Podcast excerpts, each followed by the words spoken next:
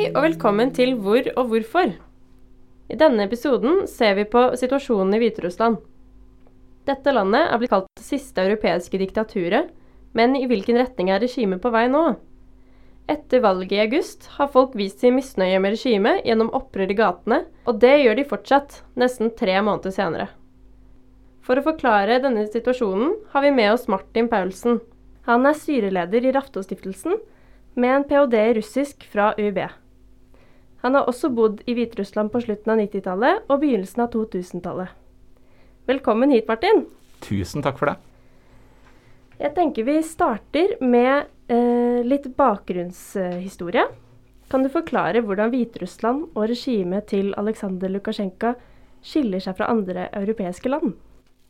Ja, eh, det kan jeg si litt om. Eh, Hviterussland ble jo en uavhengig stat som en del av Sovjetunionens eh, sammenbrudd i 1991. Og Lukasjenko ble valgt til landets første president i 1994. Og En av de tingene som skiller Hviterussland fra andre land i Europa, er at han har sittet som president i hele perioden fra da, altså i 26 år. Og så vidt jeg vet, så er det ingen andre eh, europeiske land som har hatt et eh, statsoverhode som har sittet så lenge. Så, så, det er jo en av de tingene som, som gjør at folk er ute i gatene og, og protesterer nå. At eh, de ser at det er behov for, for, endring. I tillegg så har vi sett situasjonen i, i Hviterussland har blitt eh, tydelig forverra i, i, den perioden han har sittet ved makta, eh, når det gjelder eh, menneskerettigheter og, og, og, grunnleggende demokrati.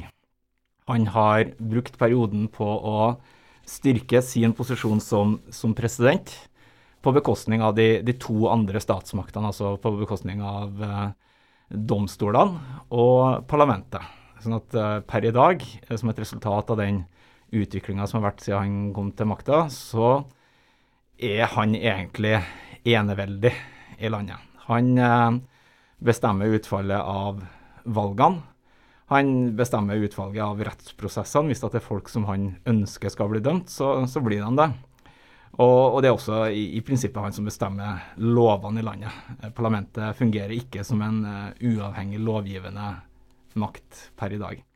Så, så det er noe som, som, skiller dem. altså Det er andre europeiske land også som har gått langt i retning av eh, autoritært regime, men, men Hviterussland er på en måte ytterpunktet på skalaen i, i europeisk sammenheng der. Og, og, og, det er jo særlig problemer knytta til menneskerettigheter som vi ser, altså manglende valgfrihet, manglende ytringsfrihet eh, osv. videre Og, og, og et, eh, en indikator på det det er jo at uh, Hviterussland er det eneste landet i Europa som fortsatt praktiserer dødsstraff. Uh, så det viser liksom at de er ytterpunktet på skalaen i, i Europa. Du nevnte at uh, Lukasjenko er en langtsittende diktator. Men hvordan er han personlig som leder? Hvilken, hvilken retning har han styrt landet hittil? Når han ble valgt til president, så var det eh, litt fordi at han, han brakte nye tanker inn i det politiske systemet i Hviterussland. Uh, når de avholdt det første presidentvalget i 1994, så var det politiske systemet i landet prega av den gamle sovjetiske eliten. Og han var en som på en måte, kom inn og lova endringer, særlig når det gjaldt det å bekjempe korrupsjon, som har vært et utbredt problem i Øst-Europa i, i, mange land. og han Eh, hadde da forslag til løsninger på, på det. Så, så, da var han på en måte noen som sto for, for endring. I eh, perioden etter at han kom til makta, så har vi jo sett at eh, det var jo på en måte litt sånn tomme ord. Eh, han ønska ikke å, å, endre, altså fjerne korrupsjon eh, som sådan. Vi ser at det er fortsatt utbredt i Hviterussland. Men at eh, han fikk, fikk, på en måte makt i sine egne hender. Og, og vi har sett hvordan Hviterussland har blitt et eksempel på hvordan makt korrumperer. da, At makt vil ha mer makt. Og En av de tingene som har blitt utfordrende for, for Lukasjenko i denne perioden, det har vært uh, det her med å måte, kunne operere på en måte som gjør at man inngår kompromisser med, med, andre. Han har blitt vant med at han har den fulle makta, hvis han ikke har det, så prøver han å måte, sikre at han har det. Og, og I dag i Hviterussland så er nettopp utfordringa for han at situasjonen krever en eller annen form for kompromiss. Men han er vant med å få viljen sin eh, fullt og helt. Så han, han er på en måte en, er blitt en person som, som er vant med å, med å, styre alene på egne premisser. Eh, og så er det en annen ting som er, er ganske viktig i, for å forstå liksom, styringssystemet i, i Hviterussland. Det at han har operert med en sånn direkte link til, til folket. da, eh, Det som måte han omtaler som, som folket i Hviterussland. Eh, sånn at når han har ønska endringer, så har han søkt legitimitet til det gjennom folkeavstemninger. For da har han kunnet sagt i ettertid at ja, men folket vil sånn og sånn. Eh, og så er det jo liksom en, en, viktig del av det at han eh, bestemmer opptellinga av de folkeavstemningene. Men liksom, den koblinga til, til, vanlige folk har vært viktig for han. Og da har han på en måte definert politiske motstandere som noen som ikke forstår folket. Og Den retorikken har vært viktig som en del av hans styringsgrunnlag, men det er på en måte en del av de, det er en ting som han møter utfordringer med i dag, når vi ser at det er så mange som er ute på gatene i Hviterussland. For da kan ikke han på en måte ignorere det og si at det er bare en liten gruppe, når det er 200 000 ute i gatene og demonstrerer. Det har jo vært demonstrasjoner tidligere også. Eh, men hva var det som var så spesielt med valget i august som trigget dette opprøret, som fortsatt holder på? Eh, de største markeringene vi har sett tidligere, protestmarkeringene, var kanskje i 2010. Eh, I, I, etterkant av presidentvalget. Da var det veldig mange som ute og protesterte på, på valgnatta. Eh, og da var det vel en 700 mennesker som ble arrestert den natta, og, og veldig mange av de motstanderne til Lukasjenko i, i presidentvalget da. I dag så, så, er det snakk om eh, tusenvis av mennesker som, som, arresteres. Det er snakk om titusen, hundretusenvis av folk i gatene. Sånn at mengden mennesker er veldig mye større. De protestene vi har sett tidligere, har typisk vært noen få dager så har det blitt slått ned. Nå har det pågått, som du sa innledningsvis, i mer enn to måneder. Så det er et nytt element. Og hvis vi skal prøve å forstå hvorfor, så tror jeg at ett element er generasjonselementet. Altså at det, uh, har vokst fram en, en generasjon av unge hviterussere. Og da velger jeg å dra liksom, denne forståelsen av hva som er å være ung relativt langt, da, opp mot min egen alder på, på ca. 40 år. Eh, det er folk som har vokst opp i måte, det nye Hviterussland, som ikke har den samme sovjetiske erfaringa med seg. Eh, og, og, som på en måte utgjør en, en gryende middelklasse. Og Et element i Hviterussland som har vært viktig da, det har vært framveksten av IT-sektoren. Det har vært en av de, de, de viktigste måte, nyvinningene i hviterussisk økonomi de siste par tiårene. har vært eh, en IT-sektor basert på det med programvareutvikling og outsourcing. Og Det har blitt såpass stort at det har måte, begynt å vises på det hviterussiske BNP. Og, og, menneskene som utgjør den sektoren, de oppnår på en måte en annen økonomisk, politisk frihet eh, i hverdagen enn folk som jobber i statseide bedrifter. Sånn at det, det utgjør på en måte et en grunnlag for, for endring. Så Det tenker jeg er et viktig eh, element i det, den generasjonskonflikten der. Og så har Hviterussland hatt en eh, viktig og god økonomisk endring gjennom de siste to tiårene. Og særlig det første tiåret på 2000-tallet så hadde de veldig positiv økonomisk vekst. Litt av forklaringa til det, det var at økonomien var så fryktelig dårlig på 90-tallet. Så det på en måte kunne bare gå én vei. En annen forklaring var at landet var relativt stabilt og, og, kunne på en måte handle med et Russland som også var inne i en veldig positiv eh, økonomisk utvikling. Og det, det, gjorde at ting var stabilt og trygt eh, økonomisk og ga på en måte mindre grunnlag for politisk endring da. Eh, men så har vi sett det siste tiåret at den økonomiske utviklinga har stoppa opp litt. Særlig de siste fem årene så har vi sett at uh, veksten i, BNP har vært dårlig og i enkelte år negativ. Så det, det, er, måte, den, det er den økonomiske forklaringa. Uh, og så er det én viktig utenrikspolitisk forklaring for hvorfor det ikke skjedde ved forrige presidentvalg. For det forrige presidentvalget ble avholdt rett etter det her uh, opprøret i Ukraina eh, med den påfølgende borgerkrigen der, og ble på en måte et veldig sånn negativt eksempel på hva opprør kan føre til. Eh, sånn at Folk veld, var veldig lite villige til å gå ut i gatene og demonstrere i, i 2015-2016. Mens nå har på en måte tida gått så langt siden det at, at det fungerer på, måte, på, ikke, på samme måte som en sånn demper. da. Så det er både den generasjonsmessige, den økonomiske og den liksom utenrikspolitiske eller kontekstuelle forklaringer da, som gjør at, at nå er et øyeblikk. Eh, så det, det, er på en måte de der kontekstliggende, eller kontekstfaktorene. Eh, men så er det også enkelte ting med måten opposisjonen har, har møtt eh, situasjonen med, med, nå, som har gjort at eh, grunnlaget for protest er, er bedre. Og Det ene var at jeg tror opposisjonen gjorde en veldig lur ting i å reise rundt i hele landet i forkant av presidentvalget. Eh, vi så jo at det, det, var tre kandidater som stilte til valg. Alle tre ble, ble fengsla. Men så eh, plukka da Svetlana Tikhanovskaja og, og et par andre opp på en måte eh, hansken og fortsatt eh, og, og Tikhanovskaja stilte til, til valg. Eh, og det de gjorde, var at de reiste på en turné i hele Hviterussland og møtte folk. Og Det gjør at du på en måte bygger, bygger en bevegelse da, som i neste omgang kan, kan på en måte gå ut og, og, og protestere i gatene. Så det grunnlaget var lagt eh, i forkant. Eh, et annet viktig element der eh, var eh, måten man avslørte valgfusk på valgnatta. Eh, fordi det har vært en, en, en veldig sånn gjennomgående tone også i tidligere valg at valget har blitt forfalska. Men i år så brukte man eh, digitale hjelpemidler, men også litt sånn taktisk stemmegivning for å avsløre. Eh, det ene var at man oppretta en, en, portal på internett hvor eh, folk kunne ta bilde av sin egen valgseddel og sende den. Og så regna de opp da, på hver enkelt valgkrets og sammenholdt resultatet av det de fikk inn, med de offisielle resultatene. Og hvis eh, man på den nettportalen fikk inn 100 stemmer for Tikhanovskaja. Og så så man i den offisielle eh, valgprotokollen at det var bare fem stemmer for Tikhanovskaja.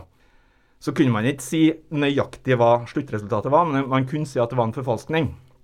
Og Det så man veldig mange eksempler på i, i hele landet. Eh, det andre var at man ba folk om å møte opp ved valglokalet like før det stengte. Det betydde at det ble, eh, og, og man ba dem som ville stemme på Tikhanovskaja, gjøre det. Så det betyr at uh, man så på en måte, veldig tydelig hvor mange som fulgte det, det uh, rådet, den oppfordringa, og, og, dermed på en måte var et, et, synlig bevis på hvor mange som ønska å stemme for hun. Uh, og nok en gang så kunne man på en måte sammenholde det med hva som var de offisielle resultatene. Så det bidro til å gi protestene en legitimitet, da. Kan du si litt om forholdet mellom Russland og Hviterussland, og hvordan Russland forholder seg til opprøret? Hviterussland og Russland er jo to veldig nære allierte. Og det har både politiske og på en måte historiske, kulturelle årsaker. De historisk-kulturelle årsakene handler om at det er to folk som er ja, like nær som norsker og svensker. Eh, de har veldig mange av de samme kulturelle referansene. Snakker språk. Altså, I Hviterussland så er det jo først og fremst russisk som språk som er utbredt. Og så er hviterussisk et minoritetsspråk. Men også hviterussisk og russisk er så lik eh, at, at, de er gjensidig eh, forståelige. Så liksom på et språklig og kulturelt eh, grunnlag de har lang felles historie. Hviterussland var jo en del av det russiske imperiet fra slutten av 1700-tallet og var en del av Sovjetunionen, så de har på en måte mange felles historiske erfaringer. Men så har vi også sett det, det, de siste årene at de har ganske like politiske Altså like styresett. Hviterussland er et mer utprega diktatur enn Russland. Altså valgmuligheten og påvirkningsmuligheten eh, for andre grupper er mindre i Hviterussland enn de er i, i, i Russland. Men likevel så, så er det prega av én sterk president på, på toppen. Eh, og så har de eh, felles utenrikspolitiske eh, orienteringer. Eh, altså de ønsker å være et alternativ til et USA-prega vestlig alternativ. Så det, det er viktige grunnleggende eh, likheter. Og så har man i, i, perioden, egentlig helt fra Lukasjenko ble valgt til president, jobba for en tettere integrering. Helt i, liksom, i, bunnen av det så ligger det en, en tollunion. Men det ligger også ulike former for økonomisk samarbeid, som gjør at Eh, økonomi, økonomisk og politisk så er de tett eh, knytta sammen. Og, og, Det er også historiske koblinger her på det som går på, på måte, sikkerhetspolitikk og, og politi og, og, sånne ting, som gjør at både sånn formelt så er det eh, tett samarbeid, men også personellmessig. Altså folk som jobber i politi og sikkerhetspoliti i Hviterussland, har gjerne jobba tilsvarende i Russland og har erfaring derfra. Eh, sånn at det er både på, på det politiske og det, det, det personlige nivået da, at de koblingene er tett. Men så er det jo ikke nødvendigvis eh, bare en dans på rosa heller. Fordi at hviterusserne har et sterkt ønske om å være en uavhengig stat. Og russerne har tidvis ønska at Hviterussland skal bli en del av en, Russland, eller i hvert fall enda tettere kobla til Russland enn det eh, de har vært fram til nå. Og, og Hviterussland har sett med uro på det som har skjedd i Ukraina, og særlig annekteringa av Krim har på en måte blitt et eksempel på hvordan det kan gå da, hvis man ikke klarer å, å opprettholde eller kjempe for sin egen uavhengighet tilstrekkelig. Så det har gjort at, at det, er, eh, det er eh, også utfordringer i det forholdet. Og så er det personlige utfordringer i forholdet mellom eh, Lukasjenko og, og, Putin. På 90-tallet, da, da, Boris Jeltsin var, var, president i Russland, så kunne Lukasjenko i stor grad dominere den personlige relasjonen da, mellom presidenten i Hviterussland og Russland, fordi at Jeltsin etter hvert var en veldig svak president. Mens noe av det første Putin gjorde når han kom til makta, var på en måte å sette ned foten og, og vise hvem som bestemmer. Så det er veldig det er tette koblinger, men, men det, det, er ikke nødvendigvis en, dans på roser, som sagt. Ja. Jeg tenkte vi skulle bevege oss litt eh, til dagens situasjon. Og Siste nytt er jo den nasjonale streiken som er satt i gang av opposisjonsleder Svetlana Tikhanovskaja. Kan du først si litt om Svetlana og om opposisjonen som gruppe? Ja, eh, det kan jeg gjøre. Fordi Man har jo i Hviterussland hatt en, en politisk opposisjon egentlig helt siden Lukasjenko kom til makta i, i 94. Men det har i, i, den perioden vært en opposisjon som i større og større grad har blitt eh, marginalisert. Og på en måte dytta inn i det som i, i hviterussisk kontekst har vært omtalt som en slags sånn opposisjonsgetto. Det er folk som har på en måte sittet på noen kontorer og prøvd å legge strategier for hvordan man skal finne valg, men i liten grad hatt kontakt med vanlige folk i Hviterussland. Eh, og kanskje i større grad hatt kontakt med, med utenlandske aktører i EU og, og andre lands ambassader osv. Så, nå det nye med det vi ser nå, det er en opposisjon som har mye tettere kobling til, til vanlige folk, eh, som jeg var inne på i stad. Svetlana Tikhanovskaja er jo Uh, var presidentkandidat og, er nå på en måte leder for opposisjonen i egenskap av å være kona til en av Hviterusslands mest kjente bloggere. Så det var jo han, Sergej, som, som, på en måte skulle, skulle stille, eller stilte til, til, valg, men som da ble arrestert. Sammen med, med to andre eh, presidentkandidater. Men så valgte Svetlana da å, på en måte, som jeg sa i stad, plukke opp hansken og, og, og um, stille som kandidat. Og i hviterussisk kontekst så er det eh, relativt uvanlig at kvinner tar på seg den rollen. Det var riktignok en, en, en kvinnelig kandidat også ved forrige presidentvalg. Men, men som sagt, jeg, jeg, jeg sa i stad at det var et presidentvalg som foregikk en, en ganske sånn spesiell stemning etter uh, det som skjedde i, i uh, Ukraina. Så det, det, fikk liksom aldri den, den samme blesten som, som, det vi har sett nå. Uh, det som var veldig spesielt med, med Svetlana Tikhanovskaja, var at hun hadde på en måte ingen politiske ambisjoner sjøl. Hennes viktigste valgkampsak var å stille til valg for å kunne arrangere nye valg, hvis hun vant sjøl. Et nyvalg som da ville foregå på en sånn måte at de kandidatene som hadde blitt fengsla, deriblant hennes egen mann, eh, kunne stille til valg fritt og, og, og, uavhengig og rettferdig, sånn at vanlige hviterussere fikk lov til å bestemme hvem som skulle lede landet. Det var hennes eneste valgkampsak, egentlig. Uh, og, og, det var veldig spesielt liksom, i, dagene før valget å, å se intervju med, med Svetlana Tikhanovskaja, for at hun var, var, så veldig lite villig til å svare på spørsmål om politikk. og det tenker man at det er en, en, viktig ting å svare på hvis man stiller til valg. Men hun ville ikke si noe f.eks. For om forholdet til, sitt til ledelsen i, i, Russland og sånne ting. Så det var veldig tydelig at, at det var på en måte et veldig merkelig eh, valg, da, eh, som handla om, om, eh, om hennes litt sånn spesielle posisjon og ønske om å, å, å berede grunn da, for, for, endring. Ikke å representere den endringa i seg sjøl, men å, å, legge til rette for endring for andre. Og, og sjøl så er jo hun en, en veldig sånn atypisk kandidat til den der opposisjonslederrollen. Hun eh, hadde, hadde vært tidligere jobba som engelsklærer i skolen, eh, og delvis også vært, vært hjemme Eh, med, med barna i, i, familien, og måtte ikke, ikke søke noen karriere på, på, egen hånd. Og Derfor så tror jeg rett og slett for Lukasjenko, når han møtte så tok ikke han hun seriøst. Det er også veldig tydelig liksom, måten han snakka om det på. Han har snakka om at uh, jobben som president er så vanskelig at den kan ingen kvinner klare, liksom. Sånne ting som for oss er helt uh, merkelig å si. men men som er veldig uh, godt uttrykk for den, det kjønnsrollemønsteret eh, og ideologien som man kjenner igjen fra Hviterussland. Og så ser vi også at i Hviterussland så var det jo tre kvinner i tillegg til uh, Svetlana Tikhanovskaja. Så var det også Maria Kalesnikova, uh, og så var det uh, Victoria Babarika som, som representerte her to andre kandidatene. Og to av dem har forlatt landet, og det var de to som hadde barn. Og Det handler også litt om hvordan familien og barna blir brukt som pressmiddel fra regimets side for å måte, undertrykke eh, de politiske eh, protestene. Eh, de blir trua med at barna blir tatt fra dem eh, hvis de havner i fengsel. Og, og, det spilles veldig på den der rollen som mor. da.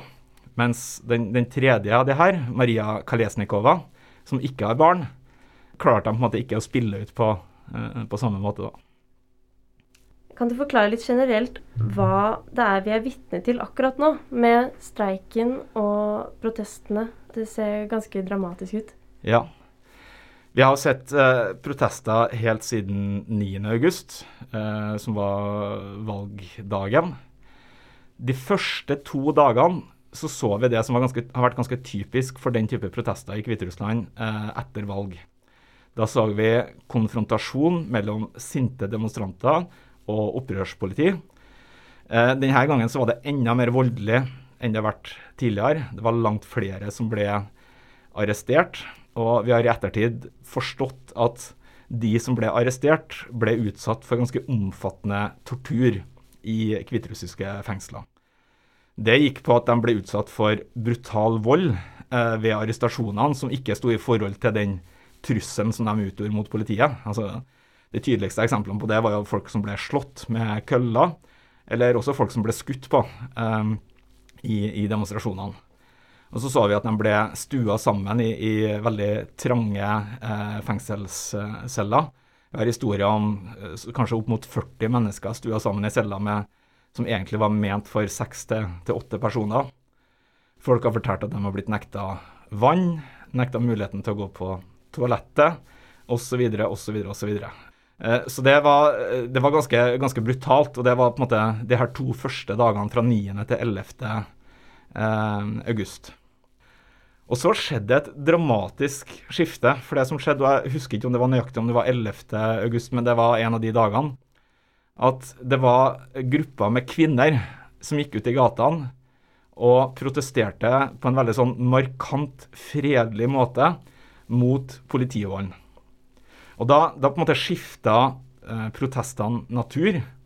De gikk fra det her uttrykket for sinne eh, til å, å, få en veldig sånn markant fredelig eh, uttrykksform.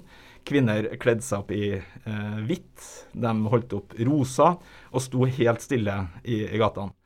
Og da, da, så vi at, at uh, sikkerhetspolitiet på en måte mista, mista det litt. De forsto ikke hvordan de skulle forholde seg til det her. Og det er litt tilbake til det her kjønnsrollemønsteret i Hviterussland som, du, du, du, slår ikke en kvinne. Du, altså du, skal være veldig forsiktig. Eh, og det gjorde at protestene fikk en helt ny retning. Fordi De første dagene så var det også fra opposisjonens side noen som oppfordra folk til å bevæpne seg med det de kunne finne av steiner eller Molotov-cocktails eller sånne ting. Det så vi eksempler på. Men det skifta veldig raskt når man så at de her fredelige protestene lyktes at det lyktes i den eh, forstand at man eh, klarte å forene veldig, veldig, veldig mange mennesker Eh, og da så vi eh, Det mest typiske vi har sett, det har jo vært de her såkalte søndagsmarkeringene. Hver eneste søndag så går det titusenvis, og i enkelte tilfeller opp mot 200 000 mennesker som er ute og demonstrerer i gatene i Minsk. Eh, og det er jo noe som er veldig slående på, på bilder. Vi ser liksom hvor massiv eh, de her protestene er. Men det er også veldig eh, slående hvor, hvor måte, fredelig og kreativt det er. Noe av det som preger det her, det er veldig kreative plakater. Og det kan være veldig vanskelig for, for norske, eller for nordmenn å liksom fange opp det, for det er veldig ofte spiller det på språk og, og og ordspill og sånne ting i de plakatene. Men så ser vi også uh, at de bruker symboler som uh, det her hvite, røde, hvite flagget, som er, har blitt et sånt symbol på, på, protestbevegelsen. Så det har vært et grunnlag for protestene. Men samtidig så har vi også sett tilløp til streik allerede fra i uh, august. Og, og det, det, største og tydeligste eksempelet på det var vel det første uka etter valget. Men det har vært en utfordring å få den streiken til å bli massiv nok. Og det henger sammen med de represaliene som folk møter. Det er veldig mange som, som blir arrestert. Folk eh, mister jobben. Og måten arbeidslivet i Hviterussland er på, så er det ved mange av arbeidsplassene så har det ganske mange goder knytta til arbeidsplassen. F.eks. folk som kommer flyttende til byen, de får gjerne en hybel knytta til arbeidsplassen. Så når du måtte bli sparka, så mister du ikke bare lønna, du mister også stedet du bor. Så det er ganske store konsekvenser for folk. Eh, så det gjør at det er egentlig et, et mindretall som har streika på den måten som vi tenker på det, som er full arbeidsnedleggelse. Men vi har også sett andre former for, for streiker, og det har vært eh, langt mer utbredt. Og det har vært eh, det som kalles italiensk streik, eller gå sakte-aksjoner. Hvor folk sørger for å følge regelboka til punkt og prikke, og liksom går gjennom alle sikkerhetsrutiner hver gang de skal gjøre en arbeidsprosess veldig veldig nøye og passe på, eh, sånn at arbeidsprosessen blir veldig veldig sakte. Og, eh, og det er en, en form å protestere på. Eh, og så har vi også hatt andre sånne punktvise protester da, eh, i, i, på arbeidsplassen, sånn som Belarus Kali, som er en, en, eh, en veldig stor eh, produsent av kalium, som brukes i produksjon av, eh, av kraftfôr, hvor, hvor, folk har blitt igjen i gruva etter endt skift. for på den måten å, å, markere sin protest og, og få Eh, produksjonen til å stoppe opp. da. Eh, men, men, da ser vi også at folk blir, blir veldig raskt arrestert. Men vi ser altså at det er et, det er liksom et helt spekter av ulike protestformer. Men samtidig så ser vi også at uh, streiken har nok kanskje ikke nådd de dimensjonene som opposisjonen hadde, hadde ønska. Ja, det bringer meg til siste og kanskje viktigste spørsmålet, som er hvordan vil situasjonen utspille seg fremover? Har opposisjonen en mulighet for, for å velte Lukasjenko?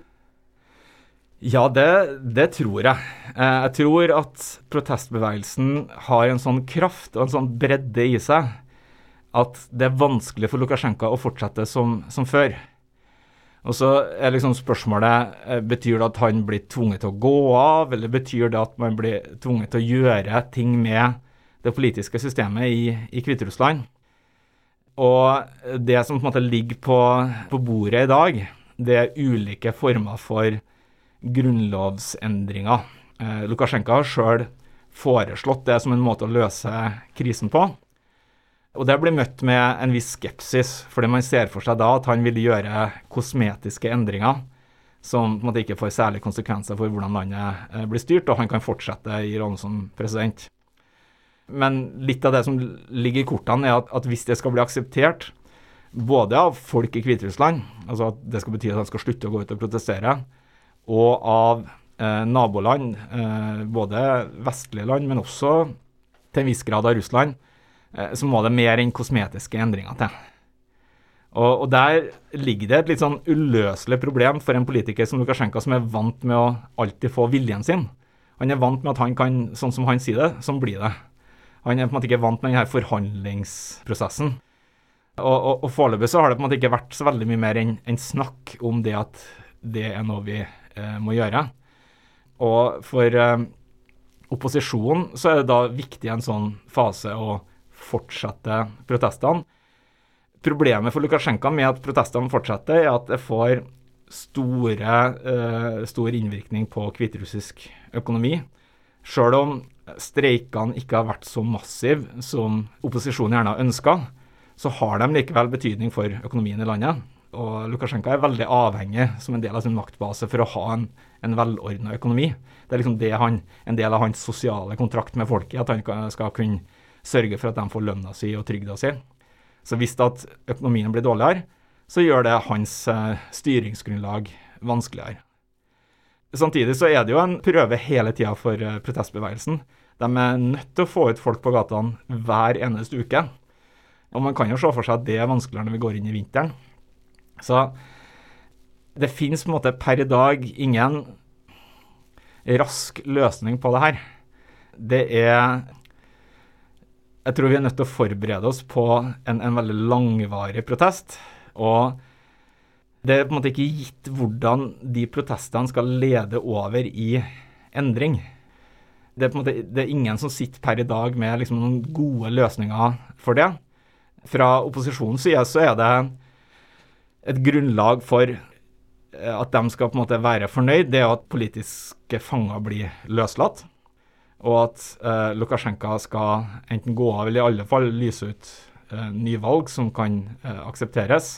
Og at volden må, må, slutte. Altså Vi ser fortsatt hver eneste dag at folk blir arrestert eh, på grunnlag av protester. Så det er liksom deres eh, utgangspunkt. Og så tror jeg rett og slett at, at Lukasjenko sliter litt med å liksom klare å, å, finne ut hvordan man skal uh, kunne, kunne svare på det. Uh, og så har han ikke vist per nå veldig mye vilje til det heller. Så jeg, jeg, tror at vi må være forberedt på at det her kan ta tid, og at løsningen rett og slett ikke er rundt hjørnet ennå. tusen takk for at du kom, Martin Paulsen. Bare hyggelig.